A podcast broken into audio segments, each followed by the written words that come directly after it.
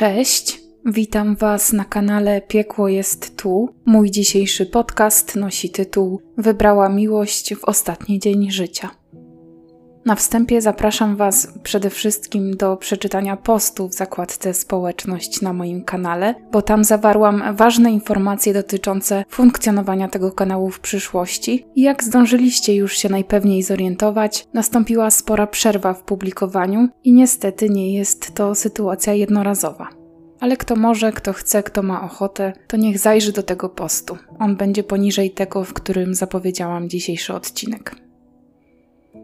Nad tą sprawą spędziłam trochę czasu, ponieważ jest bardzo dużo artykułów i niektóre zawierają pewne sprzeczności i nieścisłości. Będę starała się za każdym razem je tutaj zaznaczać, żebyście mieli tego świadomość. I po tych wszystkich dniach, jeśli mam powiedzieć, o czym ta historia jest, to właściwie powiem, że jest dosyć tajemnicza i tego, co się za nią kryje, do końca nie uda się ustalić.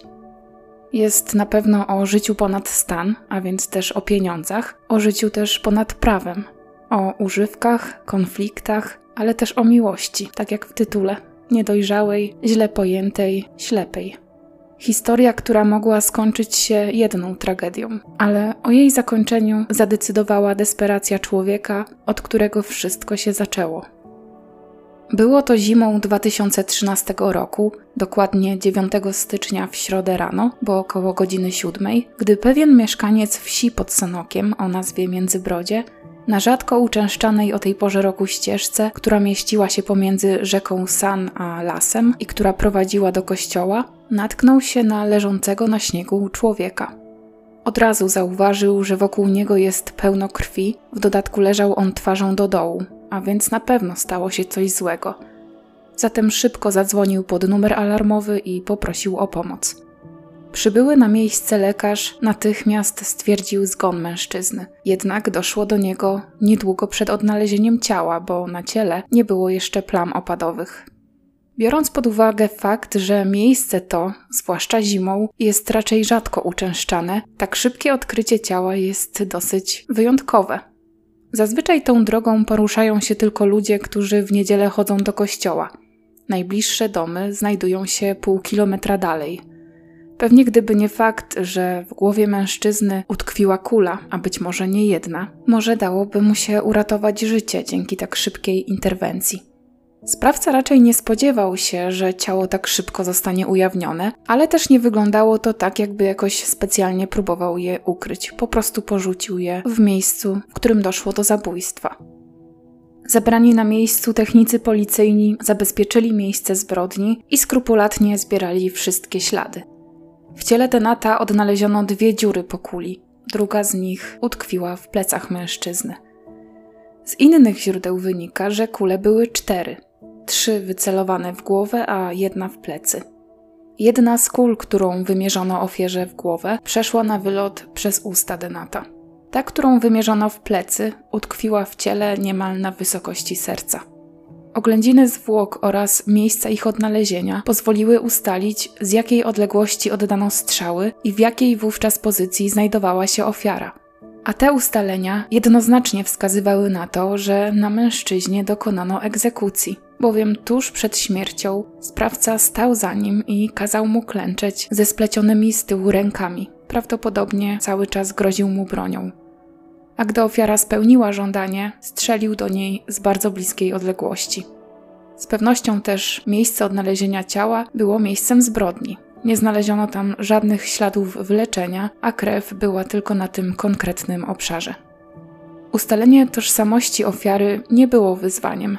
Mężczyzna miał przy sobie dokumenty, w tym dowód osobisty, nie było zatem żadnych wątpliwości, kim on był. Był to niespełna 30-letni mieszkaniec Leska, miejscowości położonej w odległości dokładnie 25 km od miejsca zbrodni i niecałych 15 od Sanoka. Wszystkie te miejscowości leżą w województwie podkarpackim.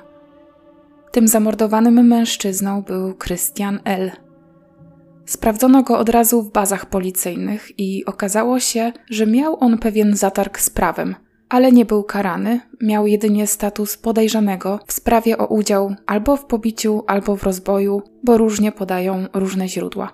W każdym razie do chwili jego śmierci o nic go nie oskarżono. Poza tym żadnych więcej zatargów z prawem, ale i tak funkcjonariusze zajmujący się tą sprawą mieli podejrzenia, że do egzekucji mogło dojść przez jakieś nieporozumienia, konflikty czy rozliczenia finansowe z jakąś grupą przestępczą. Christian L. co prawda oficjalnie uczciwie pracował na życie, Prowadził własną firmę, która zajmowała się produkcją tekstyliów oraz butów i odzieży. Czasami też zatrudniał się na zlecenie jako ochroniarz dyskotek, m.in. w Sanoku, i najczęściej robił to w sezonie letnim. A żeby zdobyć środki na rozkręcenie swojego biznesu, wcześniej długo pracował za granicą. Był mężczyzną postawnym, wysokim, bo mierzył ponad 190 cm i podejrzewam, że amatorsko zajmował się też kulturystyką, co można wywnioskować ze zdjęć czy z opisu jego sylwetki. Nie tylko pochodził z Leska, ale również tam mieszkał i tam toczyło się jego życie rodzinne, bo Krystian był w związku małżeńskim, z którego urodziło się jedno dziecko. W 2013 roku jego syn miał 6 lat. Rodzina oczywiście była wstrząśnięta na wieść o jego śmierci. Krystian L. miał udane małżeństwo, a ze swoim dzieckiem był bardzo, bardzo zżyty. Również utrzymywał dobre stosunki ze swoją mamą, która mówiła o nim, że był dobrym i oddanym dzieckiem. Krystian wyszedł tego ranka z domu w towarzystwie jakiegoś kolegi, ten miał go z niego wyciągnąć pod jakimś pretekstem. Nikt z członków rodziny nie był jednak w stanie podać konkretnego powodu tego spotkania. Policjantom udało się jednak dotrzeć do informacji, że mężczyzna nie był do końca taki grzeczny, jak wierzyła w to jego rodzina. Niejednokrotnie widziany był w podejrzanym towarzystwie. Ustalono też, że lubił zażywać substancje odurzające – po okolicy, w której mieszkał, a właściwie można powiedzieć, że po całym mieście, gdzie jeśli zna się nie każdą, to przynajmniej co drugą osobę, bo Lesko według Wikipedii liczy niecałe 5,5 tysiąca mieszkańców, krążyły też plotki, że nie tylko brał, ale także był zamieszany w handel narkotykami. I między innymi tą drogą zdecydowali się podążyć funkcjonariusze, żeby dotrzeć do osób, które mogły być odpowiedzialne za to zabójstwo. Może niekoniecznie tutaj chodziło o handel, ale być może jakieś szemrane, podejrzane interesy z nieciekawymi osobami, czy może nawet kontakty z mafią, której mógł się w jakiś sposób narazić. Sprawdzono zatem otoczenie ofiary, z kim się najczęściej kontaktował i z kim utrzymywał regularne kontakty. Poza tym, w bliskiej odległości od odnalezienia ciała odkryto na śniegu ślady opon samochodowych. Wiadomo było, że ofiara na pewno nie przyjechała w to miejsce sama, bo ktoś ją albo przywiózł, albo odjechał samochodem Krystiana. Zdecydowano się więc zabezpieczyć zapisy z kamer, które znajdowały się blisko tego miejsca, żeby odnaleźć samochód, który 9 stycznia w godzinach rannych poruszał się w okolicy. Teren ten, choć nie na całym odcinku, to na pewnej jego części był monitorowany, jako że kościół, do którego prowadziła ta ścieżka, przy której odnaleziono ciało, to dawna cerkiew i latem ściągała wielu turystów.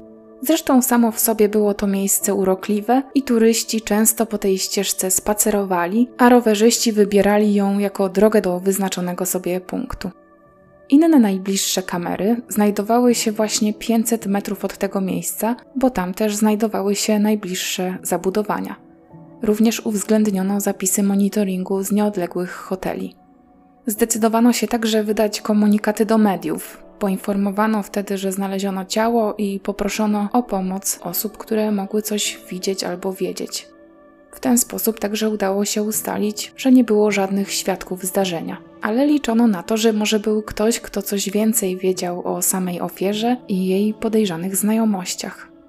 Bardzo szybko, bo jeszcze tego samego wieczoru, namierzono mężczyznę, którego z Krystianem L. łączyła dość zażyła i długoletnia relacja. Właściwie mężczyźni znali się od dziecka i od dziecka też się kolegowali. Dorastali w tym samym mieście, czyli w Lesku. Ich relacja zacieśniła się na tyle, że pomimo, że każdy z nich założył już własną rodzinę, to wciąż bardzo często się widywali i, i zawsze znaleźli dla siebie czas. Mowa tutaj o 32-letnim Andrzeju B. I o ile Krystian nie był szerzej znany policji, to już jego przyjaciel jak najbardziej, ale o nim nieco więcej powiem za chwilę, bo to w ogóle osobna historia. Nie wiadomo jednak, w jaki sposób śledczym udało się tych dwóch mężczyzn ze sobą powiązać, a na dodatek wytypować kolegę Krystiana jako podejrzanego.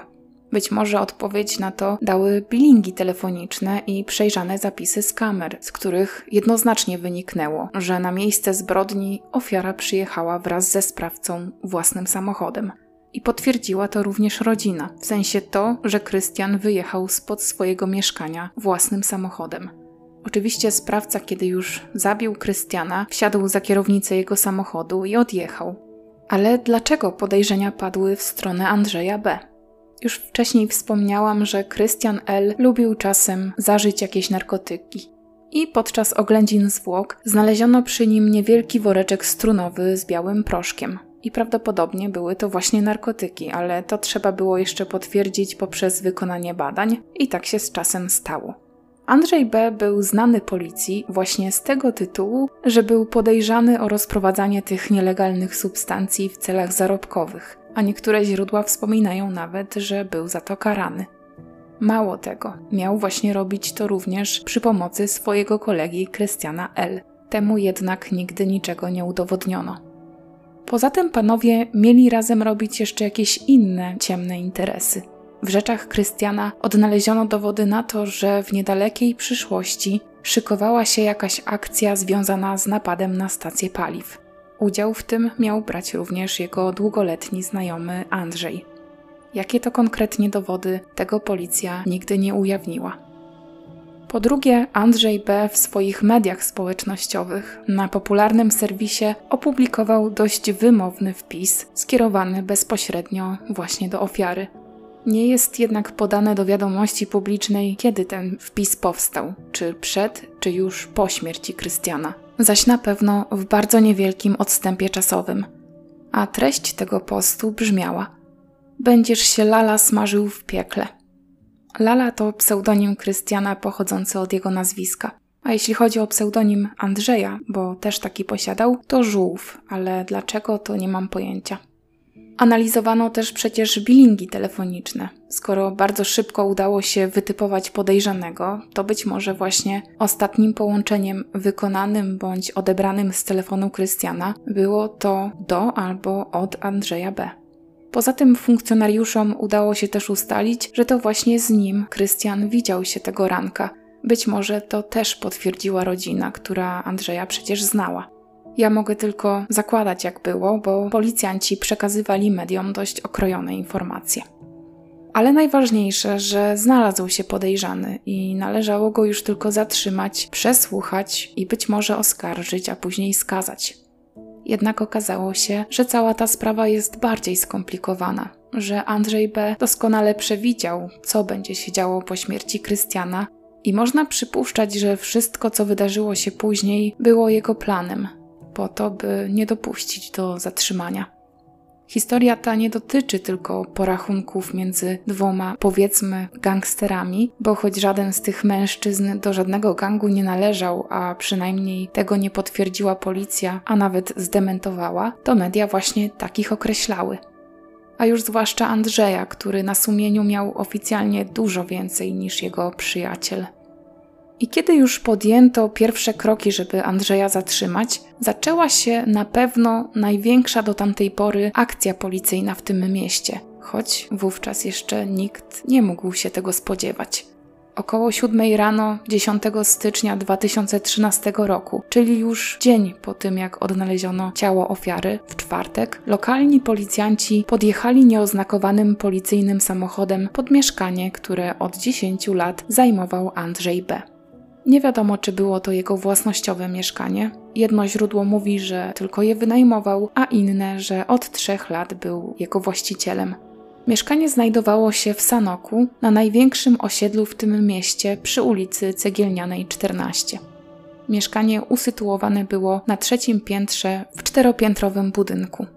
Plan policji był taki: nie rzucać się w oczy, obserwować mieszkanie Andrzeja B., pilnować, by go nie opuszczał i czekać na wsparcie. Sami bowiem nie byli odpowiednio przygotowani do przeprowadzania takich akcji, a więc czekali na to wsparcie, którego mieli im udzielić rzeszowscy antyterroryści. Mieli pojawić się przy cegielnianej za kilka godzin. Nie zdążyli jednak przeprowadzić działań zgodnie z wcześniejszymi zamierzeniami, bo to Andrzej tak naprawdę rozdawał karty. Tuż po godzinie 12 prawdopodobnie mężczyzna wyjrzał przez okno swojego mieszkania i zorientował się, że coś jest na rzeczy. Zobaczył samochód, który nigdy wcześniej nie parkował w tym miejscu. Najpewniej też domyślił się, że są to zakamuflowani policjanci. I wówczas zaczął atakować, wystawiając przez zasłoniętą zieloną roletą okno broń i kilka razy naciskając spust, strzelając prosto do policjantów. Na szczęście nikomu nic się nie stało, a kilka pocisków jedynie utkwiło w radiowozie. Doliczono się czterech. Trzy kolejne strzały były chybione. Andrzej B. celował do policjantów tak, jakby już wiedział, że przyjechali właśnie po niego i właściwie jakby na to czekał, był na to przygotowany. Choć strzały, które padły z mieszkania na trzecim piętrze, na całe szczęście nie wyrządziły nikomu krzywdy, to funkcjonariusze i tak byli przerażeni zagrożeniem życia i bezpieczeństwa innych ludzi, a zwłaszcza tych, którzy z tą sprawą nie są w ogóle powiązani. Nie wiadomo było bowiem, do czego Andrzej B. mógł być jeszcze zdolny, skoro, jak było widać, przybrał postawę ofensywną i nie chciał się oddać w ręce policji. Tak jak wspominałam, przez te prawie 6 godzin, bo od 7 do prawie 13, na miejscu znajdowało się jedynie kilku policjantów z sanockiego komisariatu i to nie oni mieli dokonać tego zatrzymania. Ich zadaniem było tylko obstawienie mieszkania podejrzanego i oczekiwanie na przyjazd policjantów z Komendy Wojewódzkiej Policji w Rzeszowie, którzy mieli podjąć już konkretniejsze działania. Trzeba było jednak wezwać więcej wsparcia, bo Andrzej B. zabarykadował się we własnym mieszkaniu i ani myślał je opuszczać. Wiadomo już było, że był uzbrojony, a jak uzbrojony, to i niebezpieczny. Każdy kolejny krok policjantów musiał być dokładnie przemyślany, a wcześniejszy plan nie miał już wówczas żadnego znaczenia. A hasłem przewodnim tej akcji było to, żeby nikomu nie spadł włos z głowy. Niebawem więc do lokalnych i rzeszowskich policjantów helikopterem przylecieli antyterroryści ze stolicy oraz profesjonalny negocjator, który miał za zadanie nakłonić różnymi technikami Andrzeja B. do dobrowolnego opuszczenia mieszkania. Żeby była pewność, że mężczyzna dobrze słyszy funkcjonariuszy, zwracano się do niego przy pomocy megafonu. Kiedy udało się zdobyć jego numer telefonu, to próbowano również się do niego dodzwonić, Żadnych połączeń Andrzej nie odbierał. Podobnie było z wiadomościami tekstowymi. Nie odpowiadał na żadne SMSy. Mijały kolejne godziny. Andrzej B. nadal przebywał w swoim mieszkaniu. Policjanci nadal nic nie wskurali i liczyli na to, że negocjator jednak zdoła wywabić mężczyznę z domu. Akcja ta trwała naprawdę długie godziny i nie działo się tam za dużo. Po prostu oczekiwano na dogodny moment, żeby wejść do mieszkania, ale tak naprawdę liczono na to, że obędzie się bez siłowych rozwiązań. Dlatego też negocjator przez te wszystkie godziny próbował przekonać Andrzeja do tego, żeby się poddał. A skoro się na to nie zapowiadało, trzeba było wezwać dodatkowe wsparcie pod blok przy ulicy Cegielnianej, ale też na całe osiedle i okoliczne ulice, wysyłani byli kolejni funkcjonariusze z różnych miast, żeby zapewnić mieszkańcom maksymalne bezpieczeństwo. Trzeba było działać sprawnie i skutecznie, żeby zminimalizować ryzyko, że komukolwiek stanie się krzywda. Nie wiadomo było, czy Andrzej B. znowu nie zacznie strzelać. Policjanci otoczyli nie tylko ten jeden budynek, gdzie ukrywał się Andrzej z bronią w ręku, ale pilnowano też całego osiedla, a zwłaszcza terenu, który mężczyzna widział ze swoich okien i dokąd miał zasięg. Wpuszczano tylko osoby, które mieszkały na tym osiedlu, wcześniej oczywiście musiały się wylegitymować. Zaś mieszkańców bloku numer 14 natychmiast postanowiono ewakuować, w pierwszej kolejności mieszkańców, którzy z Andrzejem B. dzielili klatkę schodową. Tym, którzy nie mieli się dokąd udać, zapewniono tymczasowe lokum, gdyby okazało się, że negocjacje z podejrzanym potrwają całą noc, aby po prostu mieszkańcy mieli gdzie tę noc spędzić. Inni, ci, którzy nie chcieli wyjść ze swoich mieszkań, dostali od policjantów kategoryczny zakaz opuszczania lokalów. Media starały się na bieżąco informować zaniepokojonych mieszkańców Sanoka i okolic o tym, co dzieje się przy ulicy Cegielnianej, ale rzecznik prasowy policji podawał im dość okrojone informacje. Był tak oszczędny w słowach, dlatego że podejrzewano, że Andrzej B. śledzi lokalne media, wie co się dzieje i nie chcieli powiedzieć za dużo, żeby nie zdradzać swoich planów. To sprawiło, że ludzie byli kompletnie zdezorientowani. Do mediów zaczęły wyciekać jakieś nieoficjalne informacje, które powodowały panikę, a które później trzeba było dementować. Niektóre z nich jednak okazywały się być prawdziwe, choć potwierdzone przez policję ze znacznym opóźnieniem. I tak właśnie było, jeśli chodzi o informacje, kto towarzyszył Andrzejowi B. w jego mieszkaniu. A mężczyzna nie przebywał tam sam, była z nim jego partnerka, albo jak to określają media, przyjaciółka. Nastolatka właściwie. Można nawet powiedzieć, że wciąż jeszcze dziecko, bo dziewczyna ta nie miała ukończonych 18 lat. Odpocznijmy więc na chwilę od tych policyjnych działań i posłuchajmy o historii Andrzeja B. i Kamili M., czyli drugiej ofiary w tej historii. Już o tym mówiłam, ale przypomnę, że Andrzej B. urodził się i wychowywał w Lesku. Stamtąd też pochodziła Kamila.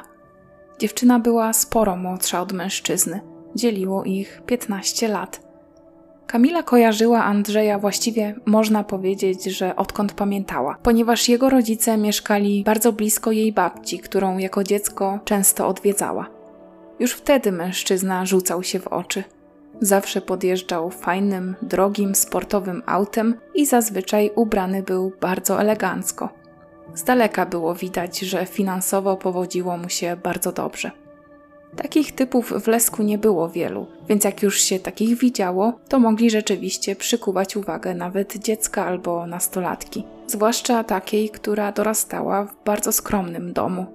Do prawdziwej interakcji między nimi doszło wtedy, gdy Kamila miała rocznikowo, choć jeszcze nieskończone, 15 lat. Dziewczyna, choć z natury spokojna, to była towarzyska. Lubiła wyjść sobie czasami z domu, spotkać się ze znajomymi, spędzić jakoś fajnie i aktywnie czas. I pewnego popołudnia zdecydowała się na pójście na mecz. Chciała pokibicować lokalnej drużynie, choć wielką fanką piłki nożnej nie była. Za to Andrzej B. kibicem był i to można nawet powiedzieć, że pseudo-kibicem, bo i nieraz wdawał się w jakieś bójki czy inne niebezpieczne akcje z kibicami przeciwnej drużyny. I na jednym z takich meczów Andrzej wypatrzył szczupłą, piękną blondynkę, a właśnie taki typ urody przyciągał jego wzrok na dłużej. Być może mężczyzna wówczas jeszcze nie zdawał sobie sprawy z tego, że podrywał piętnastolatkę, przez mocny makijaż i włosy farbowane na bardzo jasny blond, dziewczyna wyglądała na znacznie starszą niż rzeczywiście była. Ale kiedy prawda o jej wieku już wyszła na jaw, Andrzej nieszczególnie był tym zmartwiony. Różnica wieku, choć ogromna, zwłaszcza w tak młodym wieku, to nie powstrzymała go przed tym, aby się z Kamilą umówić. Ona zresztą sprawnie kontynuowała ten flirt i okazywała zainteresowanie dużo starszemu od siebie mężczyźnie. Andrzej B. też robił dobre wizualne wrażenie. Dość wysoki, dobrze zbudowany, z twarzy też niebrzydki. Miał też gadane. Kamili imponowało to, że zainteresował się nią taki mężczyzna. W dodatku ktoś dobrze sytuowany, bo właśnie takie sprawiał wrażenie. Nie trudno było zresztą tak o nim myśleć, skoro jego samochód wyróżniał się na tle innych. Wszystkie jego ubrania miały logo znanych, drogich marek i biżuteria, którą nosił, też musiała swoje kosztować. Kamila po pierwszej rozmowie z Andrzejem zapragnęła, aby było z tego coś więcej. Po prostu się nim zauroczyła, a jak się okazało, on nią również. Zaczęli więc spotykać się regularnie. Podczas tych spotkań nastolatka była obdarowywana prezentami, zabierana w fajne miejsca, Podobało jej się takie życie pełne wrażeń oraz to, że co chciała, to dzięki Andrzejowi mogła mieć. Rodzina i przyjaciele dziewczyny zauważyli, że zaczęła się nagle zmieniać. Pierwsze lata gimnazjum spędzała tak jak jej rówieśnicy, głównie na nauce. Miała problemy typowe dla nastolatków. Była uczynną, dobrą i dobrze uczącą się dziewczyną. Ostatnia klasa gimnazjum, a to wówczas poznała Andrzeja B., upłynęła już nieco innym rytmem. Niektóre źródła podają, że dziewczyna zaczęła opuszczać lekcje, co wpłynęło też na jej stopnie w szkole, ale jako że była zawsze zdolną osobą, to jakoś udało jej się przebrnąć przez etap gimnazjum. Gdy nadszedł etap liceum, Kamila bardzo rzadko pojawiała się na lekcjach w technikum, które wybrała. Wtedy też zamieszkała u Andrzeja B. i dlatego nauka zeszła na drugi plan. Zdecydowanie wolała oddawać się przyjemnościom, które co i róż fundował jej jej partner. Para głównie podróżowała, a zagraniczne podróże dla Kamili jeszcze nie tak dawno były kompletnie nieosiągalne. Nastolatka zresztą od zawsze marzyła o tym, żeby małe miasteczko, jakim było Lesko, zamienić na duże, takie, które tętni życiem. Andrzej B. spełniał te wszystkie jej życzenia. Nic dziwnego, że chciała z tego korzystać ale przecież wciąż ciążył nad nią obowiązek szkolny, więc nie mogła tak po prostu z nauki zrezygnować. W związku z tym, gdy zaczęły pojawiać się trudności, z którymi walka okazała się nie być dla Kamili przyjemna i łatwa, rodzice uzgodnili z nią kompromis i postanowili przepisać ją do szkoły zaocznej. Tata nastolatki osobiście zawoził ją na lekcje i takim sposobem Kamila kontynuowała naukę w rzadziej wybieranym trybie, ale wciąż, tak jak w gimnazjum, osiągając bardzo dobre stopnie. Jak bardzo ten związek nie był normalny, wiedzieli wszyscy znajomi dziewczyny, jej przyjaciele, rodzina, ale przede wszystkim rodzice, którzy bardzo kochali swoje dziecko i zależało im na jego szczęściu. Kamila nie słuchała jednak żadnych rad jej serce tak wybrało i tak się rwało do Andrzeja, że racjonalne argumenty w ogóle do niej nie trafiały i na jej wybory, choć przynajmniej rodzice powinni, to ostatecznie nikt nie miał wpływu. Na pewno wielu, jak nie wszystkim, trudno jest pojąć, że rodzina tak po prostu przeszła do porządku dziennego nad tym, że właściwie jeszcze dziecko spotyka się z dorosłym mężczyzną, którego życie miłosne na dodatek było dość bogate, jako że Andrzej zdążył się do 30 roku życia już dwukrotnie rozwieść. Ale nie było tak, że rodzice zupełnie nie zwracali uwagi na to, co Kamila robi i że mogła robić, co chciała. Pochodziła z normalnego domu, gdzie zawsze najważniejsza była miłość, szacunek i szczerość, gdzie rodzeństwo było dla siebie przyjaciółmi i tak rzeczywiście u niej było. Kamila miała starszą siostrę i starszego brata, z którymi utrzymywała bardzo dobre relacje. Z rodzicami też. I to właśnie na utrzymaniu tych dobrych relacji z dzieckiem rodzicom dziewczyny zależało najbardziej. Wielokrotnie próbowali wyperswadować córce z głowy znajomość z Andrzejem, co prawda personalnie chyba nic do niego nie mieli, nie wiedzieli też czym on się zajmował, ale tego do końca raczej nikt nie wiedział. Zapewne Kamila też. Chodziło wyłącznie o tą dużą różnicę wieku i o to, że był on dorosłym mężczyzną i powinien był szukać sobie partnerki wśród swoich rówieśniczek. Zanim więc wszyscy pogodzili się z jej wyborem, nastolatka buntowała się, wymykała z domu, nie wracała na noc, opuszczała się w nauce. Zdaniem rodziców, ograniczanie jej wolności przyniosłoby odwrotny skutek od oczekiwanego. Wprawdzie Kamila według ich relacji zawsze była spokojną i raczej posłuszną osobą, ale w Andrzeju była tak zakochana, że dosłownie straciła dla niego rozum. Gdyby stanęli naprzeciw jej uczuciom, zaczęłaby się jeszcze bardziej buntować.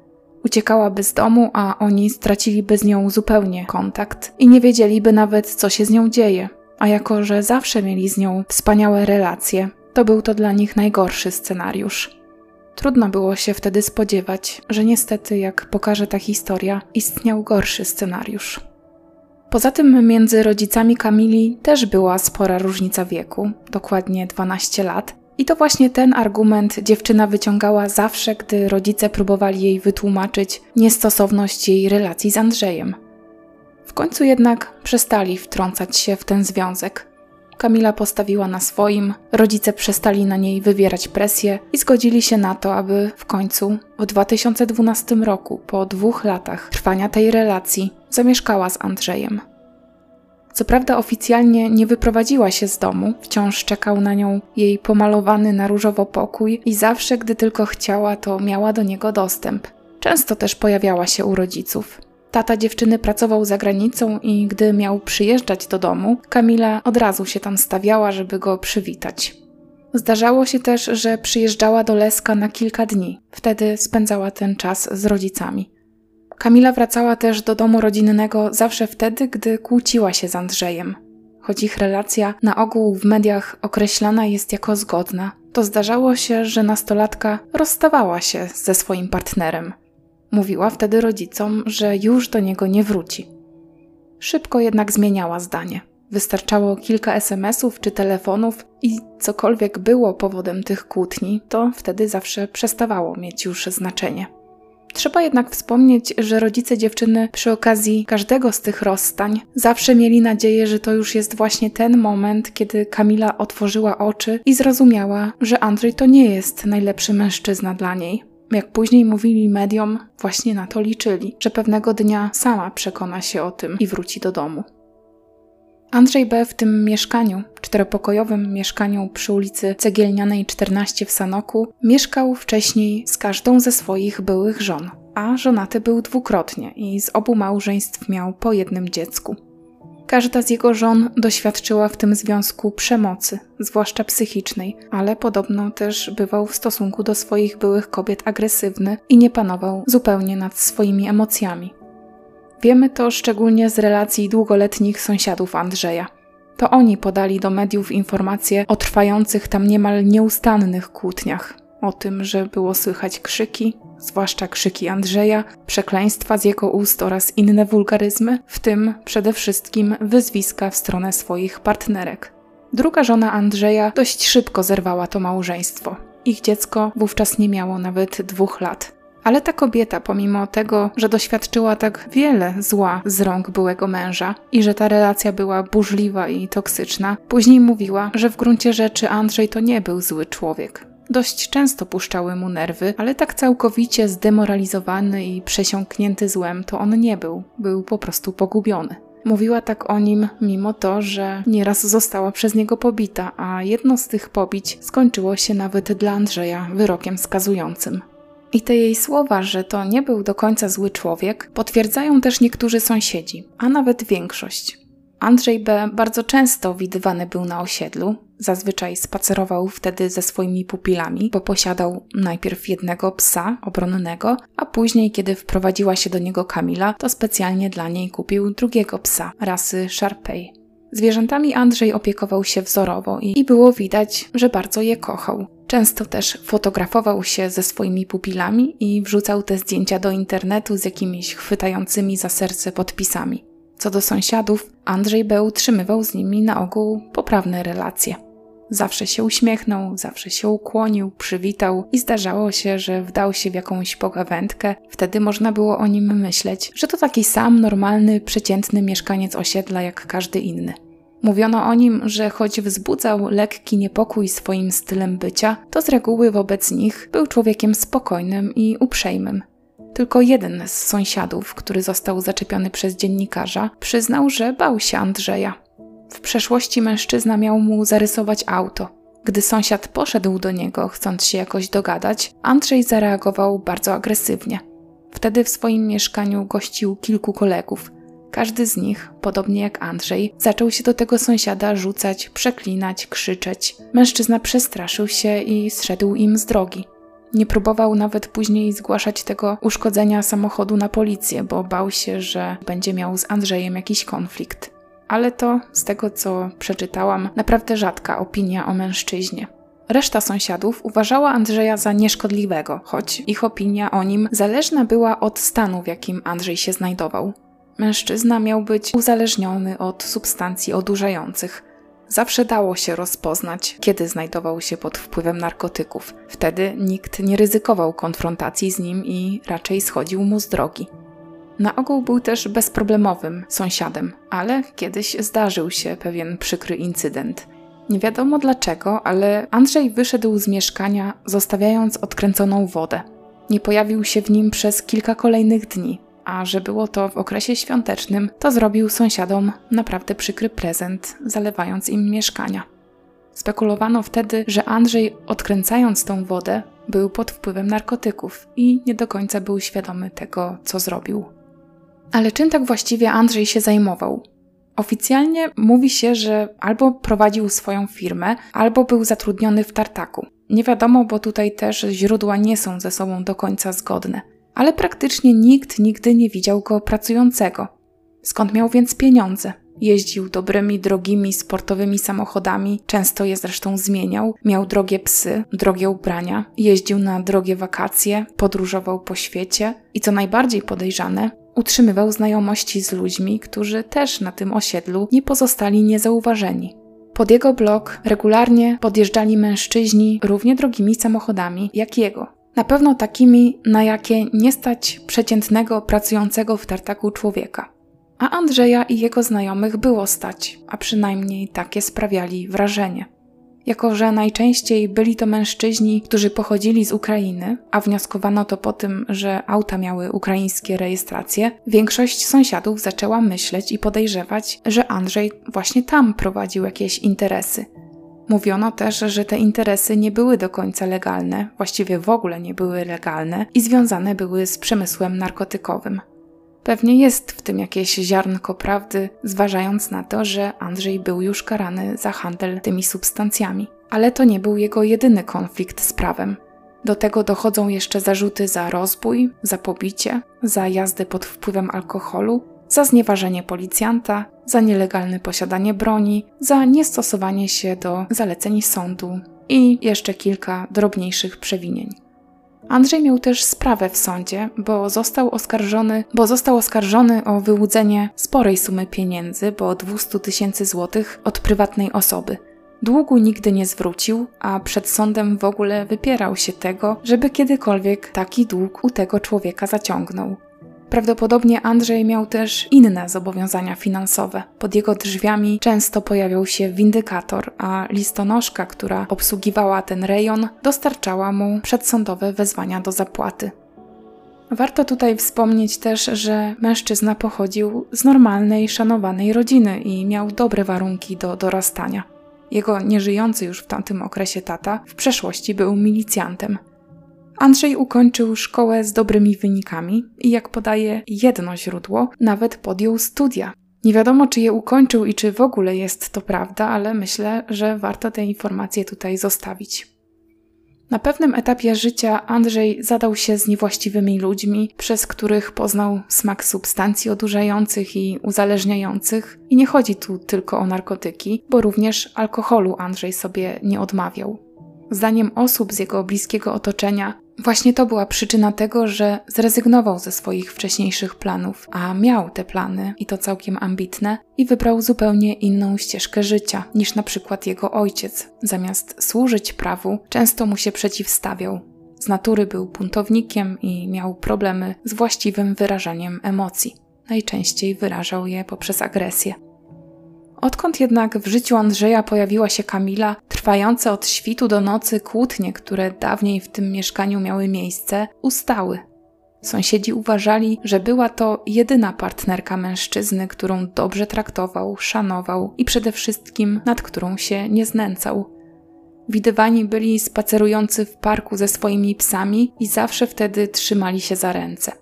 Często okazywali sobie czułość w miejscach publicznych, dodawali też wspólne zdjęcia na portale społecznościowe, a Andrzej nawet dodawał na swoje konta zdjęcia Kamili z uroczymi podpisami. Wyznawał jej wtedy miłość, mówił o niej w pięknych słowach i w samych superlatywach, i wydawało się, że jest między nimi bardzo silne uczucie. Sama Kamila pod nieobecność Andrzeja, a często zdarzało się, że mężczyzna gdzieś wyjeżdżał, właściwie nie opuszczała mieszkania, więc mało kto ją widywał i mało kto mógł powiedzieć o niej coś więcej, bo po prostu nikt bliżej jej nie znał. Ale w towarzystwie swojego chłopaka zawsze wyglądała na szczęśliwą, spokojną i na pewno nie tak, jakby poddawana była przemocy psychicznej czy fizycznej. A to ważne, zwłaszcza w świetle wydarzeń, które nastąpiły w nocy z 10 na 11 stycznia 2013 roku. Kiedy trwała ta policyjna obława na domniemanego sprawcę zabójstwa Krystiana L., Andrzej B. w swoim mieszkaniu przy ulicy Cegielnianej nie przebywał sam. Była z nim również Kamila. Policjanci sami na początku o tym nie wiedzieli. Za to wiedzieli o tym jej rodzice. Oni dowiedzieli się z mediów o tym, że pod tym blokiem trwa jakaś akcja policyjna i od razu wtedy spróbowali skontaktować się ze swoją córką.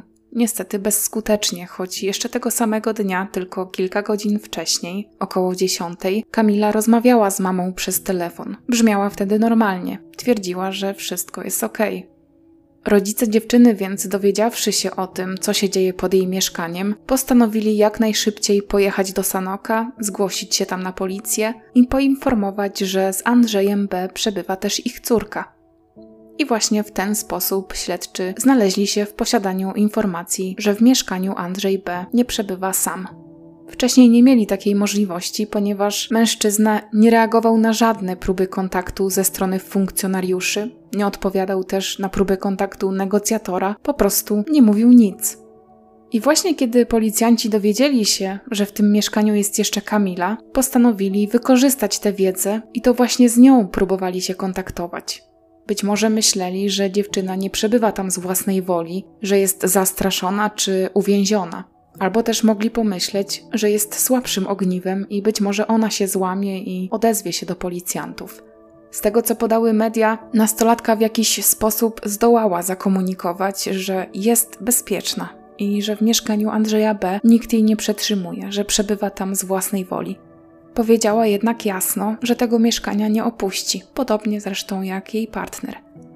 Rodzice, którzy przebywali wówczas na komendzie policji w Sanoku, też próbowali się z córką kontaktować. Dzwonili do niej, słali SMSy. Niestety dziewczyna nie odpowiadała na te wszystkie połączenia i wiadomości.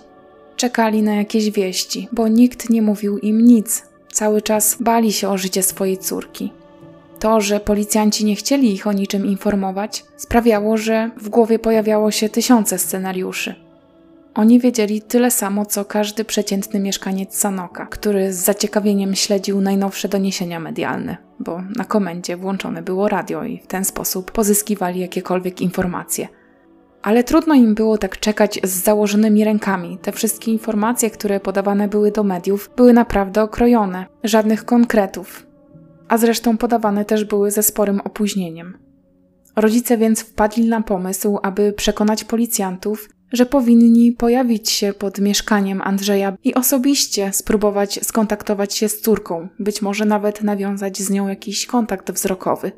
Byli przekonani, że może kiedy Kamila ich zobaczy, to w jakiś sposób się ugnie, zdecyduje się wyjść, albo przynajmniej porozmawiać z Andrzejem, przekonać go do tego, żeby dobrowolnie wyszli z mieszkania. Ale policjanci nie wyrazili na to zgody.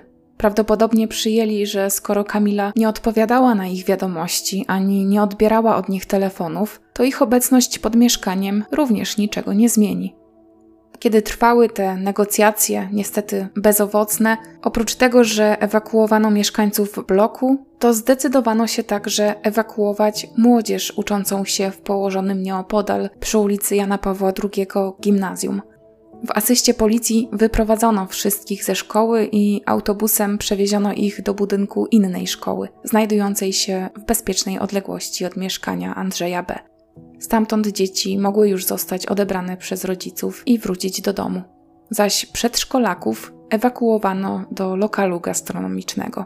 I tam również te wszystkie dzieci oczekiwały, aż rodzice się po nie zgłoszą. Oczywiście tego dnia żadne zajęcia i lekcje się nie odbyły. Jako, że było już bardzo późno, bo po godzinie 17, czyli policjanci czekali tam już 10 godzin, a antyterroryści i negocjator walczyli o jakikolwiek kontakt z Andrzejem przez prawie już 4 godziny, a Andrzej nie wyraził żadnej chęci współpracy, to podjęto decyzję o odcięciu całego bloku od gazu, a godzinę później odłączono też prąd.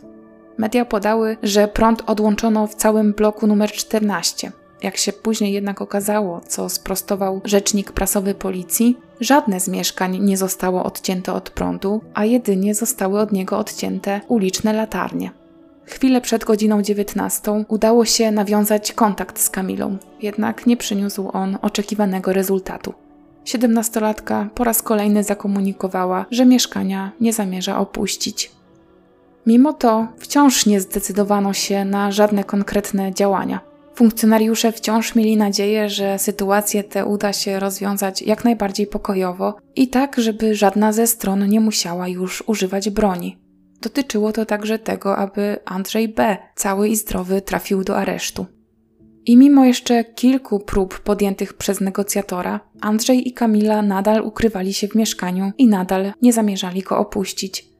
Podjęto więc decyzję o tym, aby próbować skontaktować się z mężczyzną za pomocą mediów, i rzecznik prasowy rzeszowskiej policji wykorzystał je, aby bezpośrednio zwrócić się do Andrzeja i namówić go do dobrowolnego poddania się policji.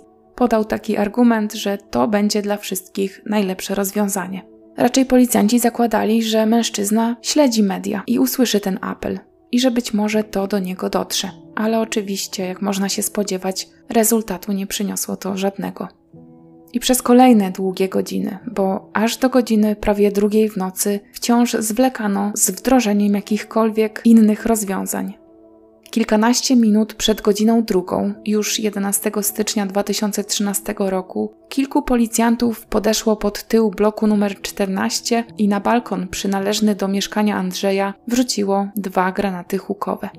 Wówczas uzbrojeni antyterroryści od kilku godzin przebywali już na klatce schodowej nieopodal mieszkania Andrzeja, czekając tylko na znak. I wraz z hukiem, który spowodował wybuch granatów, zdecydowali się wyważyć drzwi przy pomocy specjalnego sprzętu, aby akcja przebiegła jak najszybciej i jak najbardziej sprawnie. Nie było to jednak takie proste, bo drzwi wejściowe były zastawione meblami i sprzętami, więc nie dość, że trzeba było je najpierw wyważyć, to jeszcze trzeba było przedostać się przez poustawiane w wejściu ciężkie gabaryty, takie jak m.in. lodówka. A na dodatek, gdy już się udało pokonać te przeszkody, na drodze funkcjonariuszy stanął pies obronny Andrzeja. Był on bardzo agresywny, szczekał i rzucał się na policjantów. Ci więc zadecydowali o znokautowaniu go i niestety pies został postrzelony, na skutek czego zmarł. Nie do końca wiadomo, co stało się z drugim psem. Z kilku źródeł wynika, że został on zabity już wcześniej przez swojego właściciela, a więc kiedy policjanci znaleźli się w mieszkaniu, to ten już nie żył.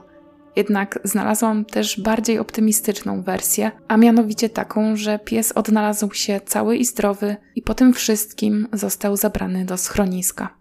Chwilę po godzinie drugiej w nocy, 11 stycznia 2013 roku, pod blok przy ulicy Cegielnianej 14 podjechało pogotowie ratunkowe. W mieszkaniu bowiem znaleziono dwie ranne osoby. Andrzej i Kamila leżeli na łóżku w sypialni. Trzymali się za ręce, zaś w dłoni mężczyzny wciąż tkwiła broń. Ustalono, że była to broń produkcji radzieckiej z 1981 roku. Andrzej był ubrany odświętnie, w garnitur, Kamila najprawdopodobniej w sukienkę, na którą miała założony jeszcze biały sweter. Oboje mieli rany postrzałowe głowy. Niestety przybyły na miejsce lekarz stwierdził zgon zarówno kobiety, jak i mężczyzny. Ciała Andrzeja i Kamili zabezpieczono i wyniesiono z mieszkania po szczegółowych oględzinach około godziny 9 rano. Pozostałe czynności trwały tego dnia do godziny 11, ale lokatorzy sąsiednich mieszkań od rana mogli już wrócić do swoich domów, jako że niebezpieczeństwo minęło. Strażnicy miejscy legitymowali każdego przed wejściem na klatkę schodową, między innymi po to, żeby osoby ciekawskie i niepowołane nie zakłócały pracy techników i policjantów, którzy skrupulatnie zabezpieczali wszystkie ślady na miejscu zdarzenia. Zabezpieczono tam nie tylko broń jako narzędzie zbrodni, ale też niewielkie ilości narkotyków. Właściwie to woreczek strunowy z pozostałością po białym proszku. Dlatego też spekulowano, że skoro ten woreczek był pusty, to para albo przed samą śmiercią, albo już rano mogła zażyć środki odurzające. Być może Andrzej zachowywał się tak agresywnie w stosunku do policjantów właśnie dlatego, że znajdował się pod wpływem narkotyków. Sekcja zwłok wykazała, że każda z ofiar zginęła na skutek jednego strzału w głowę z bliskiej odległości z tej samej broni. Kamila zginęła pierwsza, ale krótko po niej dołączył do niej Andrzej. Leżał wówczas przytulony do niej. Kula, którą Andrzej wystrzelił do siebie, przeszła na wylot, przebijając jego czaszkę i utkwiła w głowie nastolatki. Choć wcześniej podejrzewano, że para mogła być pod wpływem narkotyków albo też alkoholu, to wykonane później badania toksykologiczne wykazały, że oboje w chwili śmierci byli trzeźwi. Podobnie było w przypadku Krystiana L., bo jemu również wykonano takie badania i one również wykazały brak zawartości substancji odurzających w organizmie. Oficjalną wersją podaną do mediów a propos śmierci pary była ta, że zarówno Andrzej, jak i Kamila popełnili samobójstwo. W ich mieszkaniu znaleziono dwa pistolety. Jeden z tłumikiem, choć tłumik leżał nieopodal i w ogóle zastanawiano się, czy został on wykorzystany. Strzałów, które padły w tym mieszkaniu, nie było słychać, więc na początku założono, że tak. Później jednak ta wersja została wykluczona i założono już wówczas tylko to, że strzały padły w momencie, gdy na balkonie znalazły się granaty hukowe i że to właśnie one zagłuszyły moment, gdy Andrzej pociągnął za spust. Z tym, że Kamila sama mogła przyłożyć sobie broń do skroni, czyli tak jak głosiły media, popełniła samobójstwo, nie zgadzali się jej rodzice, którzy doskonale znali swoje dziecko, a przynajmniej tak myśleli. O śmierci córki dowiedzieli się chwilę po tragedii. Wciąż znajdowali się na komendzie w Sanoku i cały czas oczekiwali, mimo wszystko, na dobre wieści. Kamila nie nawiązała z nimi żadnego kontaktu do końca, i to też ich zdaniem przeczyło temu, że zdecydowałaby się sama odebrać sobie życie albo z własnej woli dać się zastrzelić przez Andrzeja. Rodzice dziewczyny uważali, że córka była z nimi na tyle związana, że nie mogłaby zostawić ich tak bez słowa pożegnania. Brak wiadomości pożegnalnej według nich świadczyła więc o tym, że ich córka została zamordowana. Byli przekonani, że Andrzej strzelił najpierw do Kamili, a później do siebie. Być może zrobił to z zimną krwią, że dziewczyna nie zdawała sobie sprawy z tego, że zginie. Być może Andrzej chciałaby została z nim do końca i żeby po jego śmierci z nikim już się nie związała. Według słów ojca Kamili, to był właśnie ten typ człowieka. A jeśli Andrzej nie zrobił tego z zaskoczenia, czyli Kamila doskonale wiedziała, że zginie, to być może była zmanipulowana przez swojego partnera. Mógł on na przykład zmusić ją do tego, aby zginęli razem, bo wmawiał jej, że bez niego sobie nie poradzi, albo że jeśli on umrze, a ona nie, to ona poniesie odpowiedzialność za to wszystko, co się tego dnia wydarzyło. Kamila była młoda, niedoświadczona, mogła nie wiedzieć, że przecież nic jej nie groziło za przestępstwa, których dopuścił się Andrzej, a to, że przebywała z nim w mieszkaniu, nie jest przecież żadnym przestępstwem. Policjanci zdementowali to, że Kamila zginęła z zaskoczenia, że nie miała pojęcia o tym, że umrze. Dziewczyna nie była też przez swojego partnera do niczego zmuszana. Z tego mieszkania nie dochodziły żadne odgłosy awantury czy krzyków na krótko przed śmiercią pary. Nikt nie próbował się z niego wydostać, nikt nie wzywał pomocy. Po prostu wyglądało to tak, jakby Kamila była wtajemniczona w plan Andrzeja i z nim współpracowała. Choć trzeba tutaj wspomnieć o tym, że znalazł się świadek, który twierdził, że w momencie wtargnięcia antyterrorystów do tego mieszkania słyszał kobiecy pisk. Później jednak policjanci, kiedy ta informacja już obiegła media, zdementowali ten głos, mówiąc, że nie był to dźwięk wydany przez człowieka, a po prostu skrzypienie drzwi. Dziewczyna przecież już wówczas była martwa. Rodzice rzeczywiście mieli dobre przeczucia. Ich córka nie popełniła samobójstwa, a przynajmniej sama nie przyłożyła sobie broni do skroni. Dziewczyna była leworęczna, natomiast strzał oddano w jej prawą skroń. Na pewno jednak wiedziała o tym, że zginie i zgodziła się na to. Nie doszło pomiędzy parą do żadnych przepychanek, na ciele nastolatki nie ujawniono śladów świadczących o tym, że mogła się na przykład bronić, że walczyła, że ktoś ją siłą przetrzymywał, stosował wobec niej przemoc w celu wymuszenia czegoś i tym podobne. Założono więc, że zgodziła się na to, aby zginąć z Andrzejem, i dlatego też para została znaleziona w takiej dość romantycznej scenerii. Ładnie ubrana, niemal jak do ślubu, trzymająca się za ręce, praktycznie do siebie przyklejona.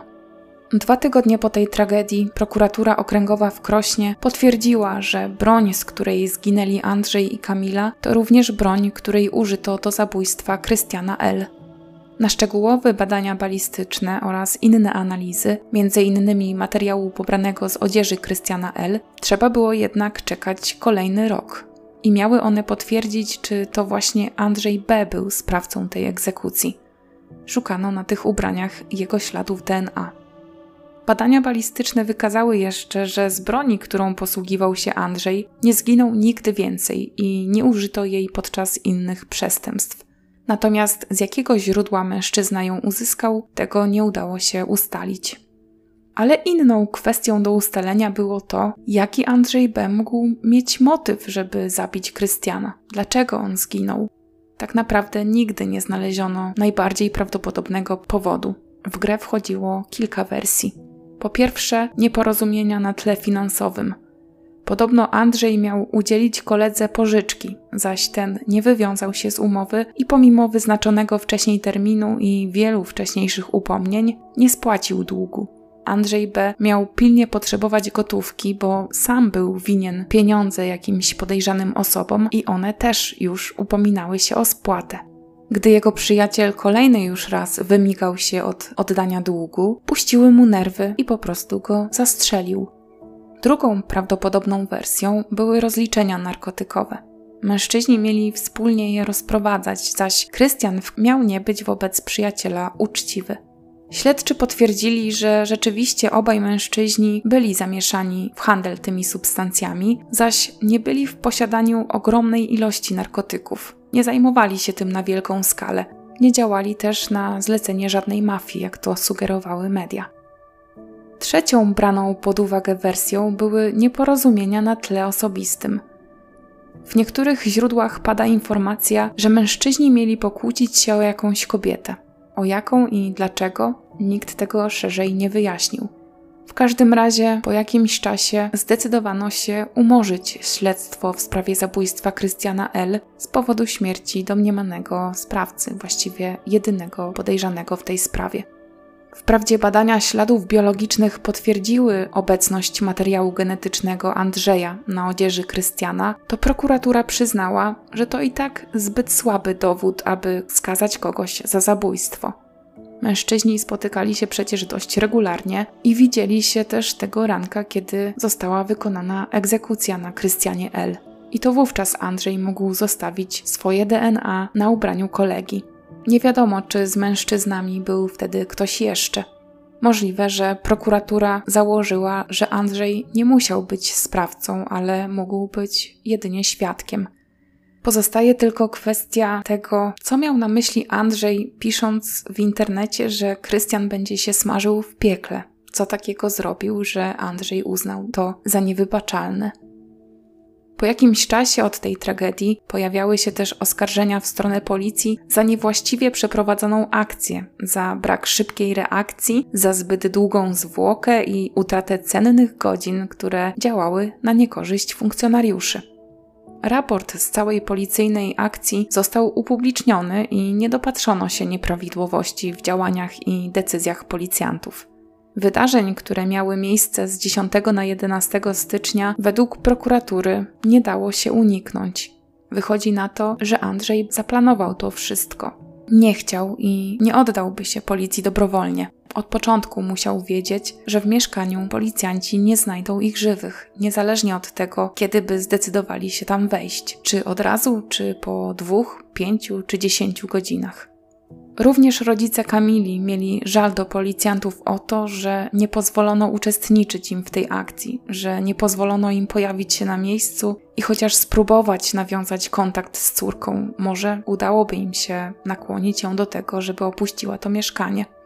Policjanci zaś odpowiedzieli na to w ten sposób, że rodzina przecież nigdy nie bierze udziału w policyjnych negocjacjach, a ta sytuacja była wyjątkowo niebezpieczna dla ich życia i zdrowia. Trudno bowiem przewidzieć, jak zachowałby się Andrzej, gdyby pod oknami swojego mieszkania zobaczył rodziców Kamili. Być może zdecydowałby się ponownie oddać strzały i wówczas już nikt nie miałby tyle szczęścia co wcześniej. Policjanci też cały czas podkreślali, że zależało im szczególnie na tym, aby nie ucierpiały w tej akcji osoby postronne i niewinne, a przecież kroków Andrzeja nie dało się przewidzieć. Ich zdaniem przeprowadzili te wszystkie działania bezbłędnie i zrobili wszystko, co mogli. Pomimo tragedii, jaka spotkała rodziców Kamili, jeszcze przez jakiś czas nie mogli w spokoju przeżywać swojej ogromnej straty, bo musieli mierzyć się ze stresem i krzywdzącymi opiniami ludzi, zwłaszcza tych w internecie, gdy o tej sprawie zrobiło się już bardzo głośno. Zrzucano na nich bowiem odpowiedzialność za wybór ich córki, a więc po części obwiniano ich za tę tragedię. Również sąd rodzinny miał rozpatrzyć, czy nie doszło z ich strony do zaniedbań rodzicielskich. Wcześniej o tym nie wspomniałam, ale Kamila bardzo krótko przed swoją śmiercią miała sprawę w sądzie rodzinnym, ale skończyło się tylko na upomnieniu.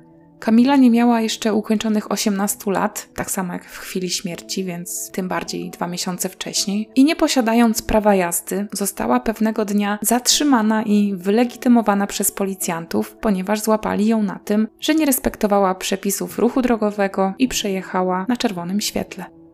Przypadkiem nieletniej zajął się sąd rodzinny. Pod koniec 2012 roku w domu rodzinnym Kamili zjawił się kurator sądowy, który miał za zadanie sporządzić wywiad. Nic niepokojącego wówczas nie przykuło jego uwagi. Kamila nie pochodziła z patologicznej rodziny. Owszem, w domu było skromnie, ale było wszystko to, czego było potrzeba do życia dorastającym dzieciom. Relacje rodzinne też wydawały się być uporządkowane. Rodzice mieli silną więź ze swoimi dziećmi. Żaden z nich nie nadużywał alkoholu ani przemocy, a warunki do życia były dobre. Dlatego sprawa dla Kamili skończyła się tylko upomnieniem. Sąd rodzinny wrócił jednak do tej sprawy, dowiedziawszy się o śmierci nastolatki w tak tragicznych okolicznościach. Tym razem do odpowiedzialności mieli zostać pociągnięci rodzice, przede wszystkim za zaniedbanie swoich obowiązków wobec córki. Kamila bowiem wtedy, gdy jej dom odwiedził kurator, nie mieszkała już z rodzicami. Nikt wówczas o tym słowem nie wspomniał. Nawet sama nastolatka udawała, że mieszkanie jej rodziców to miejsce, do którego wracała każdego dnia. Tymczasem przecież od jakiegoś czasu mieszkała już u Andrzeja. Prawda wyszła na jaw dopiero wtedy, gdy sprawa jej tragicznej śmierci stała się medialna i wszędzie huczano o tym, z jakim człowiekiem związała się tak młoda, niedojrzała jeszcze dziewczyna i gdzie w tym wszystkim byli rodzice. I choć sąd rzeczywiście zainteresował się tym przypadkiem, to żadnego postępowania nie wszczęto. Nie było już powodów, bo nastolatka już i tak straciła życie. Pozostałe dzieci w tej rodzinie były już dorosłe i odpowiadały same za siebie. I zmierzamy już do końca tej historii. Nic więcej niestety nie zostało wyjaśnione. Nie wiadomo, dlaczego zginął Krystian, nie wiadomo, co kierowało Andrzejem, że zamiast oddać się w ręce policji, to wolał zginąć. Być może rzeczywiście miał na sumieniu śmierć kolegi, a być może przy okazji aresztowania na jaw mogło wyjść dużo więcej przestępstw, jakie miał na sumieniu, i tego się obawiał. Czy kierował nim strach przed odpowiedzialnością za własne życiowe wybory, czy duma, czy pogarda do policji, którą tak ostentacyjnie nieraz wyrażał, i czy to wszystko było warte tego, aby poświęcić nie tylko swoje życie, ale też przede wszystkim życie dziewczyny, przed którą tak naprawdę było jeszcze wszystko. I czy Kamile dałoby się w ogóle uratować przed tym związkiem? Czy rodzice rzeczywiście zrobili wszystko tak jak należy, czy relacja pary rzeczywiście była tak spokojna, jak mówili o tym sąsiedzi? Sam fakt, że dziewczyna nieraz wracała do domu, chcąc odpocząć od kłótni z Andrzejem, raczej temu przeczy. Rodzice dziewczyny wspominali też, że niedługo przed śmiercią, właściwie podczas jednego z ich ostatnich spotkań, Kamila zasugerowała, że niedługo wróci do domu. Być może już wówczas nie było tak pięknie w ich związku. W innym źródle zaś ojciec dziewczyny twierdził, że nastolatka była tak zakochana w Andrzeju, że planowała spędzić z nim resztę życia. I na koniec, cytując słowa ojca, które padły w materiale interwencji, mieli się pobrać, gdy skończy 18 lat, ale nie skończy. Dajcie znać, co wy myślicie o tej sprawie. Być może ktoś z Was już wcześniej o niej słyszał albo czytał, a przypuszczam, że pewnie tak było, bo i ja już kilka lat temu czytałam o tej sprawie. Ale dopiero teraz, gdy zgłębiłam się w źródła na dłużej, przekonałam się, jaka to wstrząsająca historia i jaka bezsensowna tragedia, której częściowo dało się uniknąć gdyby Andrzej B. 10 stycznia 2013 roku posypał głowę popiołem i wziął odpowiedzialność za swoje błędne życiowe decyzje. Tymczasem ja już się z Wami żegnam, przytulam najmocniej każdego, kto dziś tego potrzebuje i do usłyszenia za jakiś czas.